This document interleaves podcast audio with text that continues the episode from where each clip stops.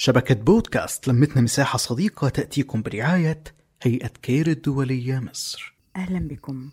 أنا مها عمر باحثة ومترجمة وكاتبة. سعيدة لانضمامي إليكم من خلال شبكة بودكاست لمتنا مساحة صديقة في بودكاست رسائل إلى ابنتي ليلى وهي رسائل يمكن لأي أم تمريرها لأبنائها عن الحياة ومجرياتها.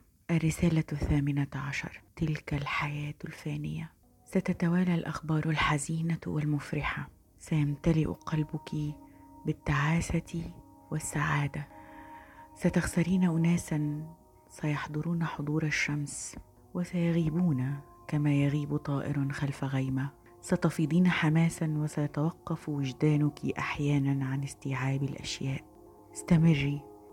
لا تقفي عند صخرة ولا يعترضن طريقك أحد.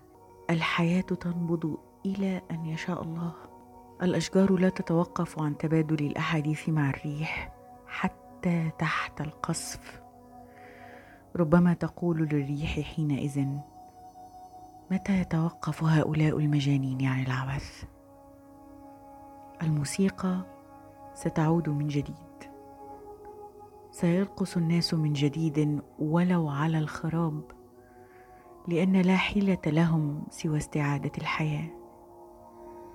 سيكفنون أحزانهم في قلوبهم وسيحشون ذاكرتهم عن آخرها بالصدمات والمشاهد. لكن أتعرفين؟ الأثر هو الفارق الباقي.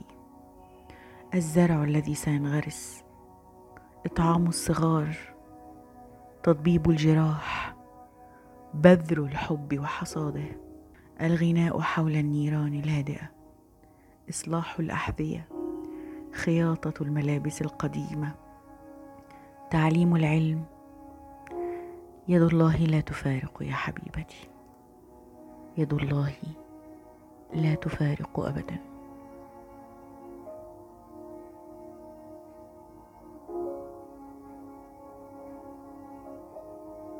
نحكي نتشارك نتواصل.